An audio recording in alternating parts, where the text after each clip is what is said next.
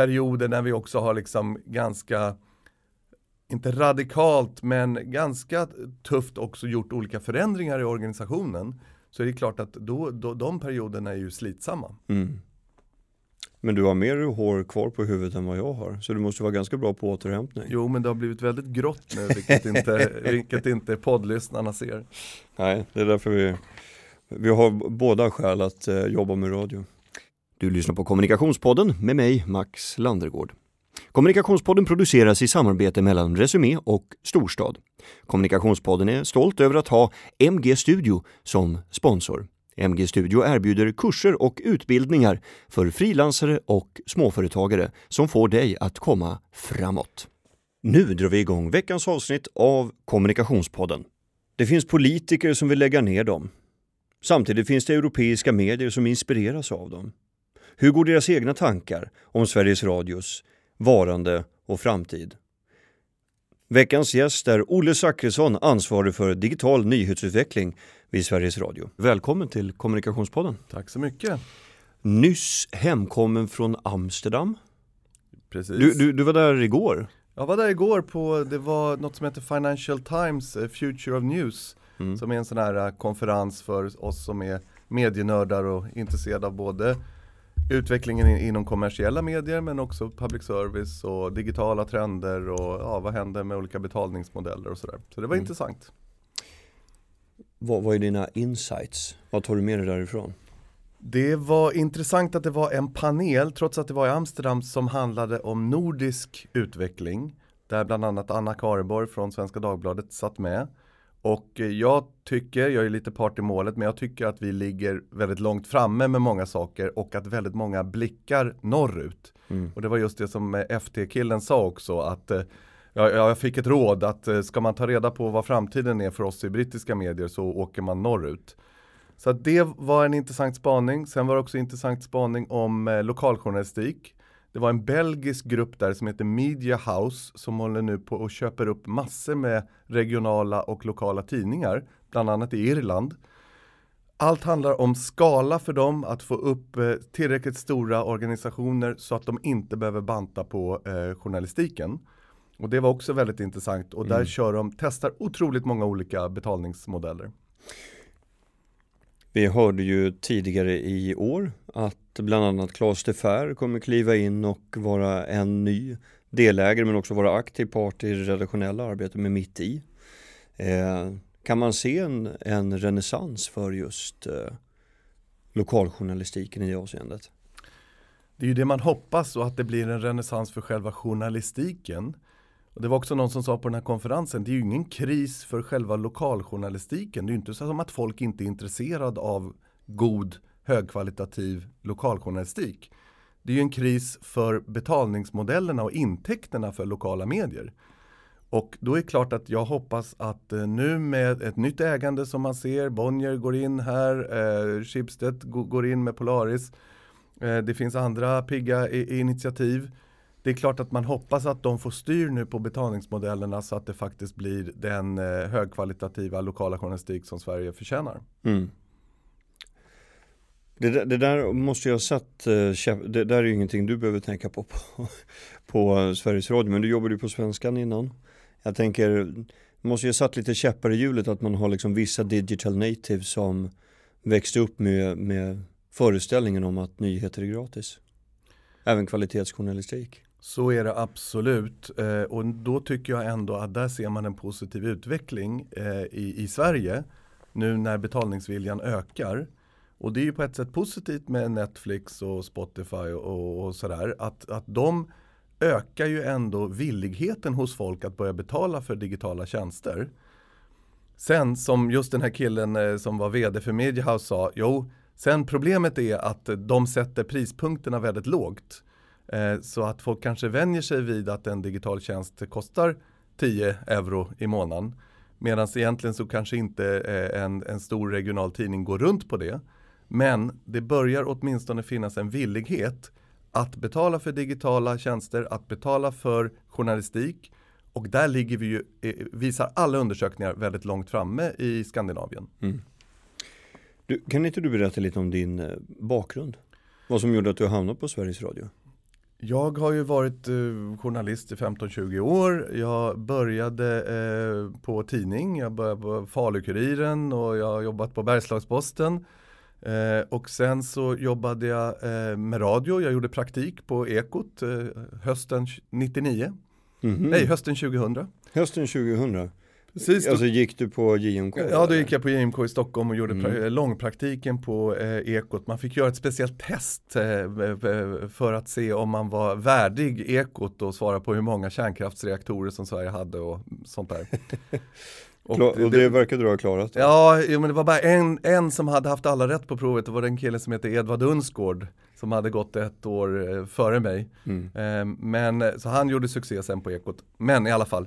Så då var jag där och sen så jobbade jag fram och tillbaka en sån här uh, LAS-period på Sveriges Radio efter det. Mm. Bland annat täckte jag fotbolls-VM för Ekots räkning 2002 i Japan, vilket var jättekul. Eh, och sen hamnade jag, efter en sväng i London, så hamnade jag på TV4. Och sen på TV8, som var en jätteliten kanal då. Ja, det var den med, eh, gud, gamla SVT-ankaret. Var inte han med där i kanal 8? Ja, Lars Adaktusson. Lars. Adaktusson. Ja, han, han jobbade där sen, men han tog Mm. över kan man lite säga efter Åke Ortmark som var ju liksom den stora tunga Just profilen det. på TV8. En av de tre O'na ja. Precis, Mm. och, och han hade ett program som hette eh, O som i Ortmark. Men jag jobbade på TV8 Finansnytt, för min identitet som journalist är ganska mycket som ekonomijournalist. Så jag jobbade på TV8 Finansnytt. Sen startade DI-TV och började toksatsa. Mm. Och då fick det, blev det fart på MTG som också byggde ut. Och vi under eh, då, vår dåvarande programdirektör Thomas Hall som nu är höjdare på SVT igen. Så var vi faktiskt uppåt 48 journalister ett tag i Münchenbryggeriet. Som satt och gjorde ett utrikesprogram, ett ekonomiprogram.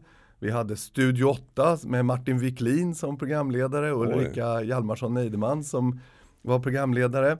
Så det var en rad olika program. Peter Wolodarski hade ett program som Jonas Leijonhufvud var producent för. Just det, det kommer jag ihåg. Allt det här är i, i TV8? Ja, det var i TV8. Och då började TV8 samarbeta med E24 som hade startats, den här ekonomisajten. Så vi Mm. skickade egentligen webb-tv till dem. Mm. Och sen kom beskedet att eh, TV8 Finansnytt skulle slås ihop som det sa med, med DI-TV. det betydde i praktiken att DI-TV skulle börja sändas i TV8 för de hade inte fått någon marklicens. Mm. Så vi blev nedlagda och jag kommer ihåg då att jag eh, ringde till Martin Jönsson eh, som var dåvarande eh, chef för SvD Näringsliv. Och, och jag trevade då lite, du skulle jag kunna komma över. Han sa, när kan jag gå ut med nyheten? För han var ju också eh, medie, Ja. mediereporter. Ja. Och, men sen blev det i alla fall så att jag hoppade över till E24 och SvD Näringsliv. Så att, eh, och, och sen hamnade jag på Svenska Dagbladet och jobbade där. E24, eh, det var, var det Douglas Ros som eh, startade det eller? Det Nej. var det inte, utan Nej. E24 var ett initiativ från början från eh, Per Lundsjö och Mattias Furenius Mm. eh, och inom Schibsted. Det var ju ett, ett försök att liksom starta online only produkter där ungefär 2005. Mm. Och det blev ju otroligt framgångsrikt snabbt och började rullas ut i Estland, i Frankrike, i Holland, i Norge. Och i Norge finns fortfarande E24 kvar och det har nyligen Schibsted aviserat att de vill satsa ännu mer på E24-varumärket nu Mm. och faktiskt branda till och med ekonomisidor i print med E24-varumärket ska Mhm. de börja göra. Du har fått den mentala närvaron hos folk alltså? Ja, där i Norge är det fortfarande väldigt stort. Ja. I, I Sverige så fanns det ju alltid en inbyggd lite konflikt med att det var ju, blev ju väldigt viktigt också för SvD Näringsliv att ha en, eh, eh, en stark närvaro online. För vad händer annars med Svenska Dagbladets varumärke? Så det tillsammans med att, att eh, ekonomin inte hade funkat jättebra på E24 de sista åren. Det gjorde nog också att till slut så eh, tog Schibsted beslutet att lägga ner E24 i Sverige och då satsa mer på ekonomivarumärket SvD Näringsliv. Jag tyckte E24 under tiden som det var liksom, som det pikade lite grann. Mitt intryck som mediekonsument det var att det var, det var en märklig mix liksom mellan typ vad ska man ta av idag? Breakit och typ Blondinbellas blogg. Det var liksom väldigt, eh, ganska spretigt. Det var ganska spretigt, det fanns Eller? några lifestyle-sektioner där och eh, en Mm. del av de där Massa satsningarna. bloggare var det ju också. bloggare, eh, men kärnan Mm. som jag ändå eh, tycker att det, det jag höll på med och Torbjörn Isaksson, Per Lindvall, eh, Lars Frick. En, vi hade då en eh, läkemedelsanalytiker med namnet Anders Hansen. Som Mm. nu har gjort lite succé. Ja, det kan man ju Ja. lugnt påstå. Han var ju otrolig, han skrev ju om lä- läkemedelsbolag eh, på den tiden på eh, E24. Så det var ett otroligt kul gäng, det var en pionjäranda Mm. och eh, kärnan i det var seriös ekonomijournalistik men det var Mm. ju en väldigt tabloid utgörning. Ja, just det. Ja. Mm. Eh, Men det kunde till och med vara som att liksom Mats Kviberg ringde till redaktionen och, och skrek i telefonen Per Lindvall, han är den enda som förstår någonting här, han är ett geni. Sen kom du till Sveriges Radio Precis. för eh, fem år sedan? Det Fyra? var, det var eh, för eh, fyra år sedan eh, Mm. kom jag tillbaka då. Då hade jag varit redaktionschef på Svenskan eh, de sista två åren där. Trivts jättebra med det. Men sen så såg jag ett jobb på annons, ekochef. Och då sökte jag det och tänkte, ja men det där får man väl aldrig. Eh, men sökte det, det var en lång process och man gjorde olika test och allt sånt Vad där. var det för tester? Ja, det Var det samma kärnkraftsfrågor som Nej, förut? nej, det här var mer eh, intelligenstest och logik och sådana där saker som inte brukar vara min starka sida. Men eh, jag klarade väl det i alla fall och sen så var det två timmar med psykolog och ja, nej men det var, det var men, och sen intervjuerna såklart med, med cheferna. Och där tror jag ändå att den, den bakgrunden som jag hade att ha sysslat väldigt mycket med digitalisering, vilket vi hade hållit på med väldigt mycket på Svenska Dagbladet, det var ju en bra erfarenhet om man skulle gå över då till eh, ekochefsjobbet. Mm. Hur är det att vara ekochef? Tänk Det- att du kan recensera lite nu när du har klivit ur det. Alltså det är enormt utvecklande och det är otroligt spännande eftersom man håller på med så många olika saker. Och det ansvariga utgivarskapet är krävande men också fantastiskt. Det kan ju vara sju, åtta utgivarbeslut en dag.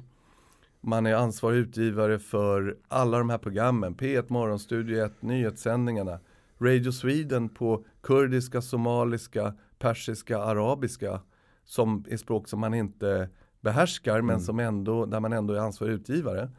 Så det gäller att bygga en otroligt eh, bra organisation och det finns fantastiska mm, underchefer som tar väldigt stort ansvar.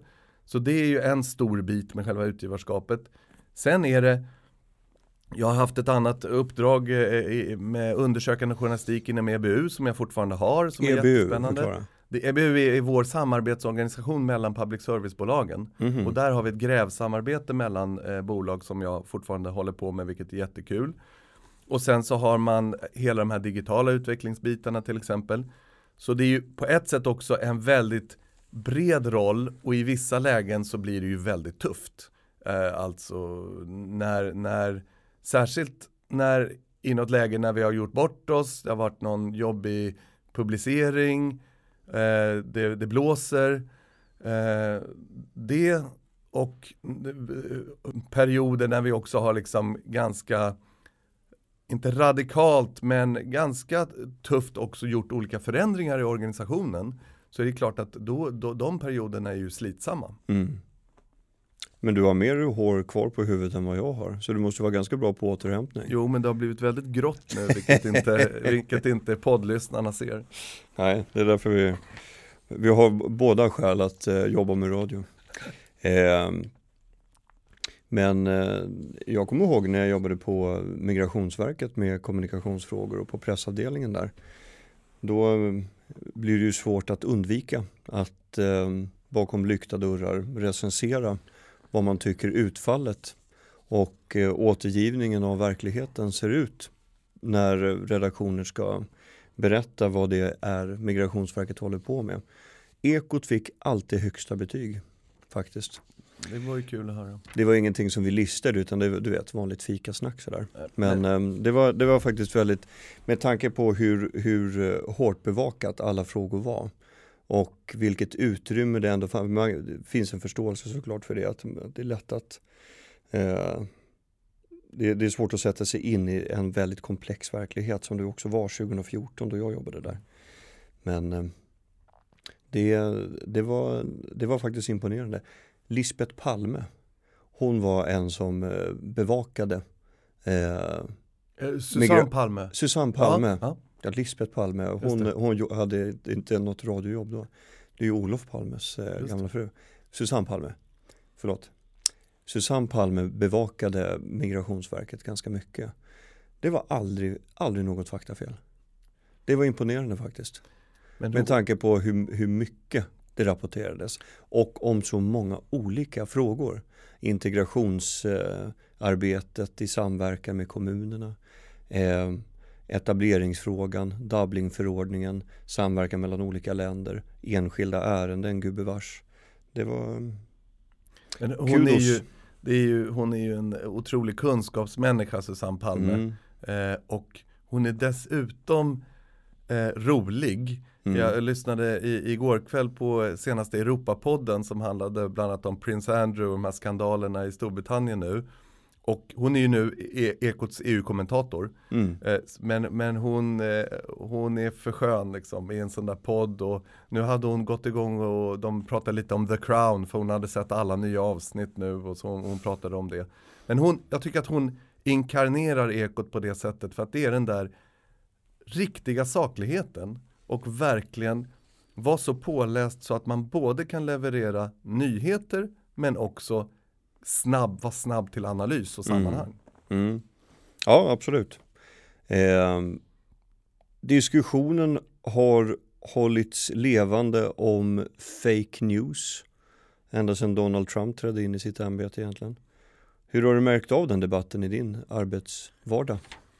Det har ju bli, mer blivit som att eh, det har blivit ett, ett populärt skällsord och att folk använder det. Nu tycker jag att det har klingat av lite grann. Det var väl väldigt mycket för ett, ett och ett halvt, eh, två år sedan. Eh, sen så finns det ju en stor seriös diskussion om det här med medveten påverkan, eh, medveten desinformation.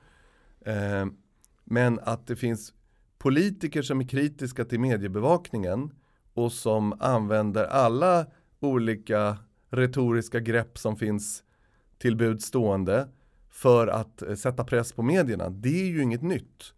Jag menar det har ju vi upplevt alltid eh, egentligen. Vi är ju ständigt utsatta för en påverkanskampanj från ministrar eller vad, vad det nu är som vill mm. att vi ska rapportera på ett visst sätt eller som vill att vi ska rapportera om just deras utspel.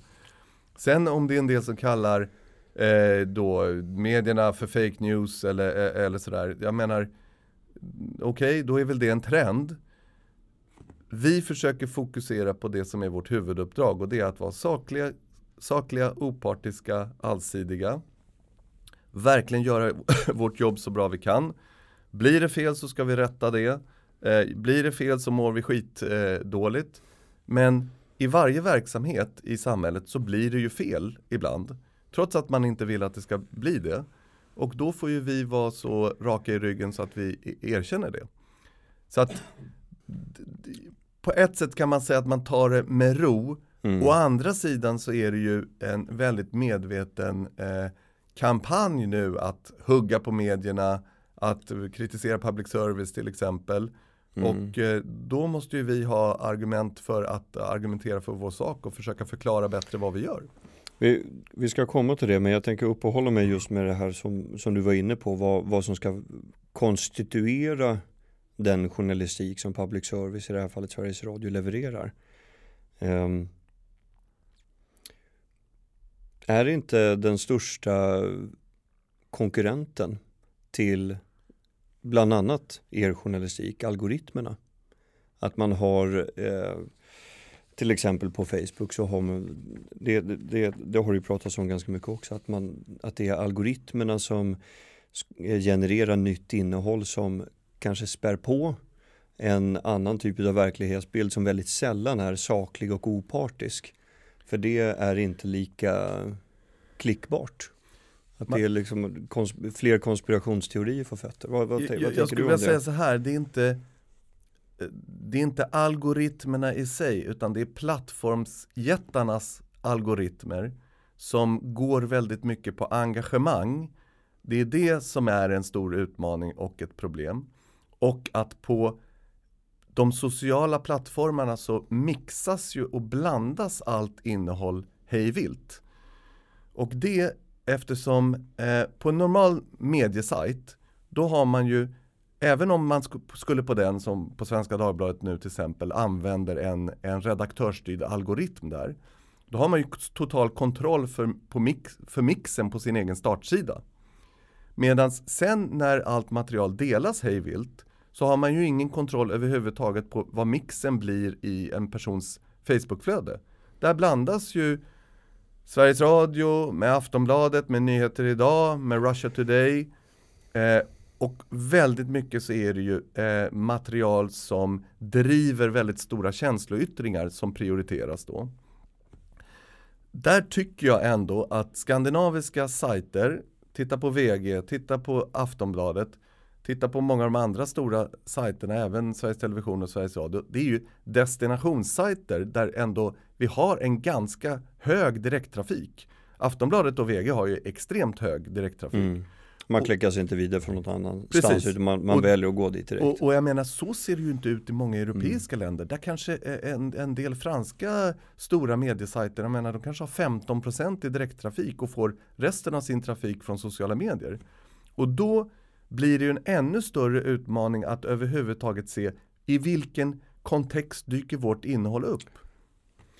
Så det tycker jag är en stor utmaning snarare än att det är liksom algoritmernas fel. Men sen finns det ju eh, jäkligt stora eh, utmaningar eftersom det är också så intransparent hur till exempel Facebooks algoritm funkar och det är mm. lynnigt och, och, och sådär. Visst. Eh, nu tillbaka till eh, politiker som vill, eh, som har åsikter om er. Eh, det konstaterades ju i veckan här för ett, antingen om det var en eller två dagar sedan i, i DN så publicerade de en artikel att SD nu är lika stora som S för tillfället efter en Ipsos-mätning som DN hade beställt. Och det pratas ju inte bara där utan också från andra håll att skära ner på public service i olika omfattningar. Um, Samtidigt så finns det ju andra mätningar som visar att trovärdigheten bland lyssnarna är hög. Hur märks eh, de här skiftningarna av i huset? Det är klart att det är någonting som bevakas eh, inom Sveriges Radio. Det är självklart så att nu ska vi få ett nytt sändningstillstånd här, sex år. Där har funnits en väldigt stor uppslutning inom politiken eh, för det nya sändningstillståndet. Men till exempel vid årsskiftet så var det ju så att vi gick från att ha varit licensfinansierade till att det nu är en särskild skatt som finansierar public service. Så det kan ju också vara en anledning till att det diskuteras mer. Det blir mer tydligt att man måste betala och det mm. står där på deklarationen. Mm. Um, sen finns det naturligtvis de här internationella trenderna. Vi har sett att eh, danska public service har skurits ner med en femtedel, vilket har varit extremt smärtsamt. Mm. Um, det blev ju tyst en hel morgon i P1 Morgon där eh, till exempel. Det har funnits eh, personer som jag har samarbetat med inom eh, undersökande journalistik som med väldigt kort varsel bara har fått sluta. Eh, jag tycker att det är sunt att public service diskuteras och kritiseras. Så, så ska det absolut vara. Men som nyhetsmänniska och som chef för, för före detta chef för Ekot och så så jag går liksom inte in i sakfrågorna. Jag, jag, tänker inte recensera om det är något eh, förslag från MUF eller om det är något förslag från Socialdemokraterna eller från, mm. från, eh, från SD. Mm. Utan det är en mediediskussion som också vi från nyhetssidan är satta att bevaka. Och då är det väldigt svårt för mig att liksom ta ställning i de frågorna eftersom de är kontroversiella. Absolut. Sen är det klart att, jag menar, det är klart att det finns en oroande trend i Europa mm. när det gäller eh, i Polen till exempel där hundratals eh, chefer på public service har fått sparken. Och så. Mm. Nej men jag tänker bara, jag, jag har verkligen inget, jag sitter inte och, och liksom lurar på ett, ett bra svar själv eller ens någon teori kring det utan jag är bara nyfiken på hur man, hur man gör den typen av avvägningar. Alltså man blir ju själv föremål som en spelare i en eh, en debatt som handlar väldigt mycket om makt och inflytande, tolkningsföreträde, mandat i olika frågor och sådär. Alltså när ska man så att säga lyssna på det? Hur, när ska man tillåta det att eh, eh, forma innehållet eller eh, jag, jag vet inte, och det, det, kanske man inte alls ska göra. Eh, jag, jag, jag, tänker bara att om man, om man har en massa, om vi, om vi liksom lyfter det till en mer principiell nivå, alltså om man har en, eh, en stor spelare som av flera parter i, i omvärlden kritiseras. Och så nämner inte spelaren det på något sätt. Alltså hur... Eh, Precis, men där tycker Fast, jag, jag, ja. Men det kanske görs. Alltså, men där tycker jag ja. att våra, vår strategiavdelning, vi har nu eh, en ny chef för vår vd-enhet som håller på väldigt mycket med strategi, Gabriel Byström, mm. vår vd Sela Bänke, de deltar ju väldigt aktivt i den här debatten eh, på, på olika sätt. Och det är ju liksom deras roll i, i, i, företaget att, att göra det. Sen så tänker jag mer att eh, är man chef för en nyhetsredaktion då måste man hålla huvudet kallt. Och då får man inte tänka, mm, okej, okay, nej men vänta, vi kanske inte ska göra den här nyheten för att det här kanske kuggar i något visst narrativ eller, mm. utan man måste hålla huvudet kallt, försöka vara konsekvensneutralt så långt det går, eh, att, att jobba på. Mm. Eh, men det är klart att sen om det har uppstått någon enskild situation mm. vid någon publicering och man har blivit kallad för idiot 150 eh, gånger på Twitter. Mm. Det är klart att då tar man åt sig, för då börjar man till slut så här, jaha okej vänta jag kanske har gjort en grav felbedömning här. Och i vissa lägen så har man ju gjort det. Mm. I vissa lägen har det blivit fel. Mm. Men jag försöker att när det gäller en väldigt generell och väldigt svepande kritik från politiken, mm. då tänker man att liksom, ja ja, men, men eh, det där får någon annan hantera att svara på. Mm. Ja. Eh. Du, ansvarig för digital nyhetsutveckling, vad, vad går jobbet ut på? Vad ska du göra? Det handlar ju väldigt mycket om att vi vill ta nästa kliv nu när det gäller den digitala nyhetsutvecklingen. Mm. Vi har eh, jobbat väldigt mycket senaste året till exempel med vår klipplyssning. Att man kan lyssna på toppnyheter i Sveriges Radio-appen och så liksom hopp, Just man kan hoppa, swipa lite. Hoppa mellan ja. inslag ungefär som en, en spellista på Spotify. Just det, istället för att lyssna liksom hela, hela ett morgonblocket liksom. Precis. Så och, är det inslag man kan swipa mellan. Det, det går väldigt bra nu. Det mm. är över 100 000 unika lyssnare per vecka eh, som lyssnar på 1,3 miljoner klipp. Eh, vi, vi, ser att får, man, får vi väl folk att, att klicka igång det så lyssnar man på i genomsnitt fem klipp. Mm. Och 30% av publiken lyssnar på 10 klipp eller mer. Så det är verkligen en ny produkt som funkar. Mm. Men det här är ju bara första steget. Här finns ju otroligt intressant vidareutveckling. Eh, vi kommer jobba med ännu mer teknikstött redaktörskap som jag kallar det. Att använda till exempel lite machine learning och AI-tekniker för att ännu bättre serva publiken med vad de vill ha. Mm. Eller för att man helt enkelt ska hitta i vårt jättestora utbud. Så det är en sån sak. Det finns massa intressanta diskussioner med de här plattformsjättarna.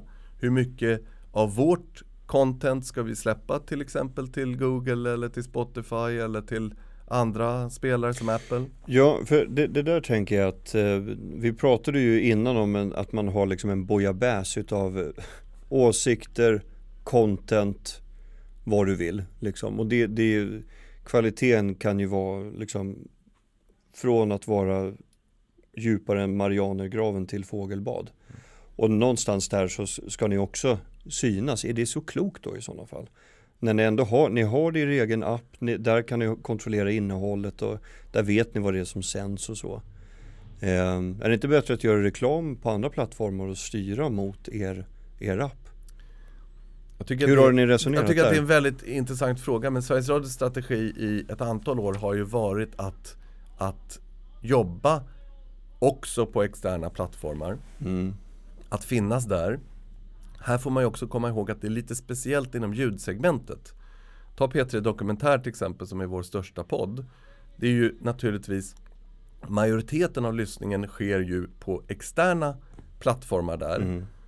iTunes, där väldigt många lyssnar genom podcaster mm. då till exempel. Är, eller man, man kan lyssna på Spotify till mm. exempel. Eller, eller Acast. Acast. Mm. Men um, sen måste vi också fokusera på, okej, okay, hur kan vi ge ett mervärde och kanske en ännu bättre lyssningsupplevelse på våra plattformar och mm. i vår app?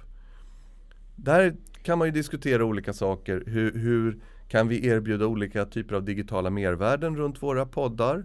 Ja, där har jag sett att Acast gör några intressanta grejer med den här spår till exempel. Att de säger ungefär Titta ner i appen nu så får du se bilder från brottsplatsen. Mm. Där finns det ju väldigt mycket som vi kan fundera på och mm. som vi kan erbjuda ett mervärde. Eh, så att den, den, den utvecklingen ser jag fram emot att också eh, jobba med. Och vi delar upp lite grann i nyheter, det är mycket klipplyssningen nu men också nyhetssändningar och nyhetsrelaterade poddar. Vi har poddar och program som är väldigt mycket våra starka titlar som P1 Dokumentär, P3 Dokumentär, eh, Creepypodden, eh, P3 Historia. Mm. Många av de här sto stora eh, poddarna.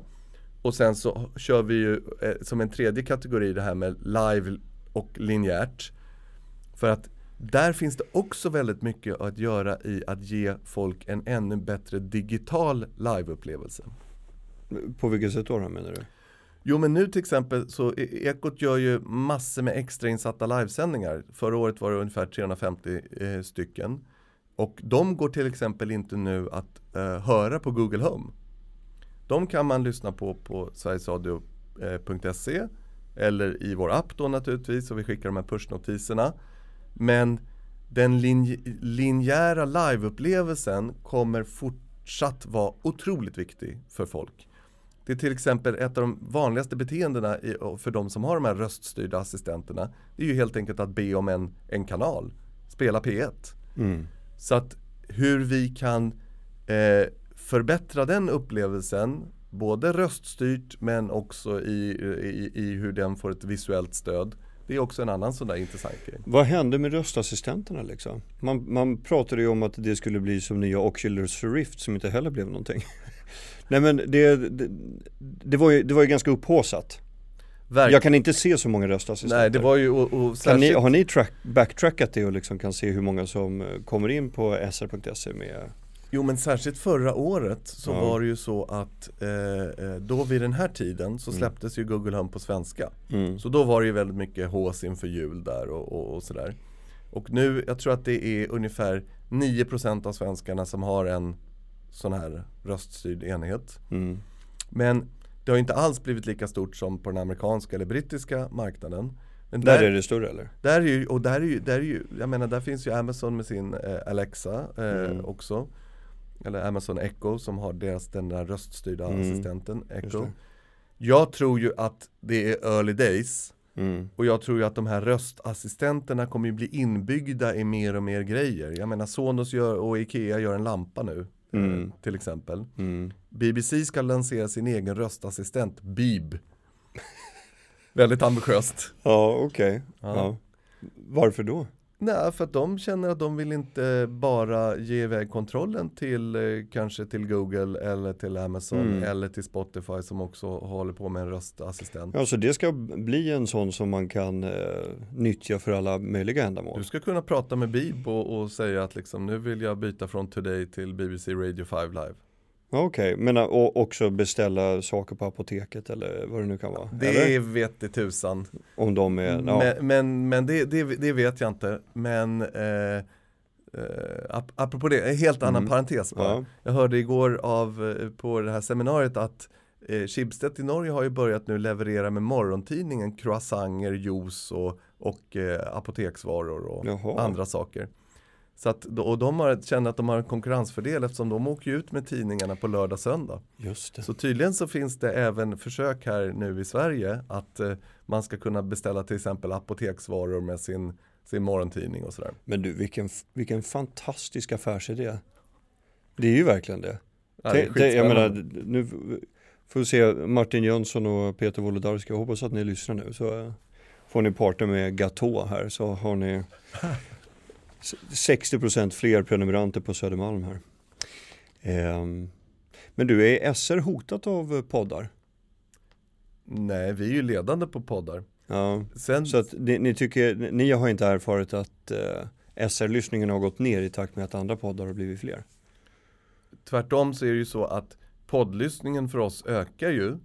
Sen hotat är vi ju i den bemärkelsen att om inte vi eh, håller tempo, steppar upp, så är det klart att de här jättestora eh, börsnoterade eh, koncernerna, eller ja, men ta Spotify till exempel nu som satsar väldigt mycket mer på podd. De är ju otroligt bra på digital utveckling helt enkelt och har otroligt stark utvecklingskraft. Lanserar nya typer av produkter hela tiden. Och då måste ju vi också ha en, en utveckling som håller tempo så att vi kan erbjuda ett intressant digitalt erbjudande på våra plattformar. Sen så är det ju, när det gäller den svenska marknaden, så när det gäller journalistiken, när det gäller själva utbudet så är ju Sveriges Radio väldigt starkt. Och därför så är ju också de stora plattformarna som Google och, och Spotify är ju väldigt intresserade av vårt innehåll och vi får ju väldigt mycket lyssning genom dem. Så att jag ser inte det som ett hot utan jag ser det som, eh, vi är liksom del av ett, eh, ett ekosystem. Eh, men där vi ändå måste hela tiden tänka på hur kan vi göra det intressant för folk att lyssna på våra plattformar. Mm. Men styr ni mer mot eh, nyheter och nyhetsfördjupning, analyser och inte lika mycket feature nu? Ja, jag skulle inte säga det så. Nu har vi satsat och jag har varit personligen väldigt inblandad i just nyhetsutvecklingen. Mm. Och det är ju mitt jobb. Men nu gör Sveriges Radio om, med, har en ny P3-strategi.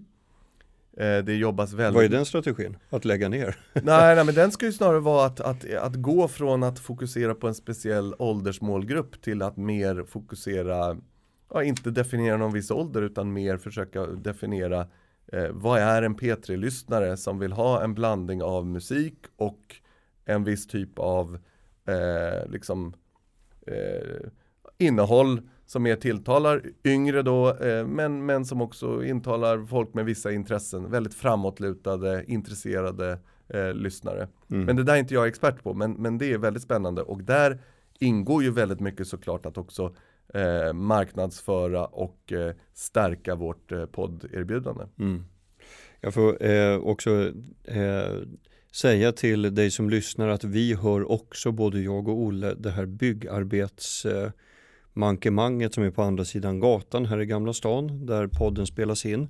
Inte så mycket att göra åt. Man kan ju också konstatera att de här byggena är precis som alla andra byggen att man går till andra sidan byggställningen och det är först där man kommer på vad det var man ville säga till sin kollega som är sju våningar ner. Skicka upp rörtången och så vidare. Eh, det är inte mycket att göra åt. Eh, 2020 står ju för dörren. Yes. Hur ser det året ut för dig, Olle Zackrisson? Det kommer nog bli ett väldigt intensivt år. Jag kommer hålla på med eh, att utveckla den här nya rollen tillsammans med mina kollegor. Vi har extremt intressanta projekt på gång ehm, eh, och eh, där blir det, tror jag, mycket åka runt till eh, olika lokala redaktioner i Sverige till exempel och prata med dem om hur kan vi ta toppnyheter som är vår gemensamma spellista, hur kan vi ta det till nästa nivå.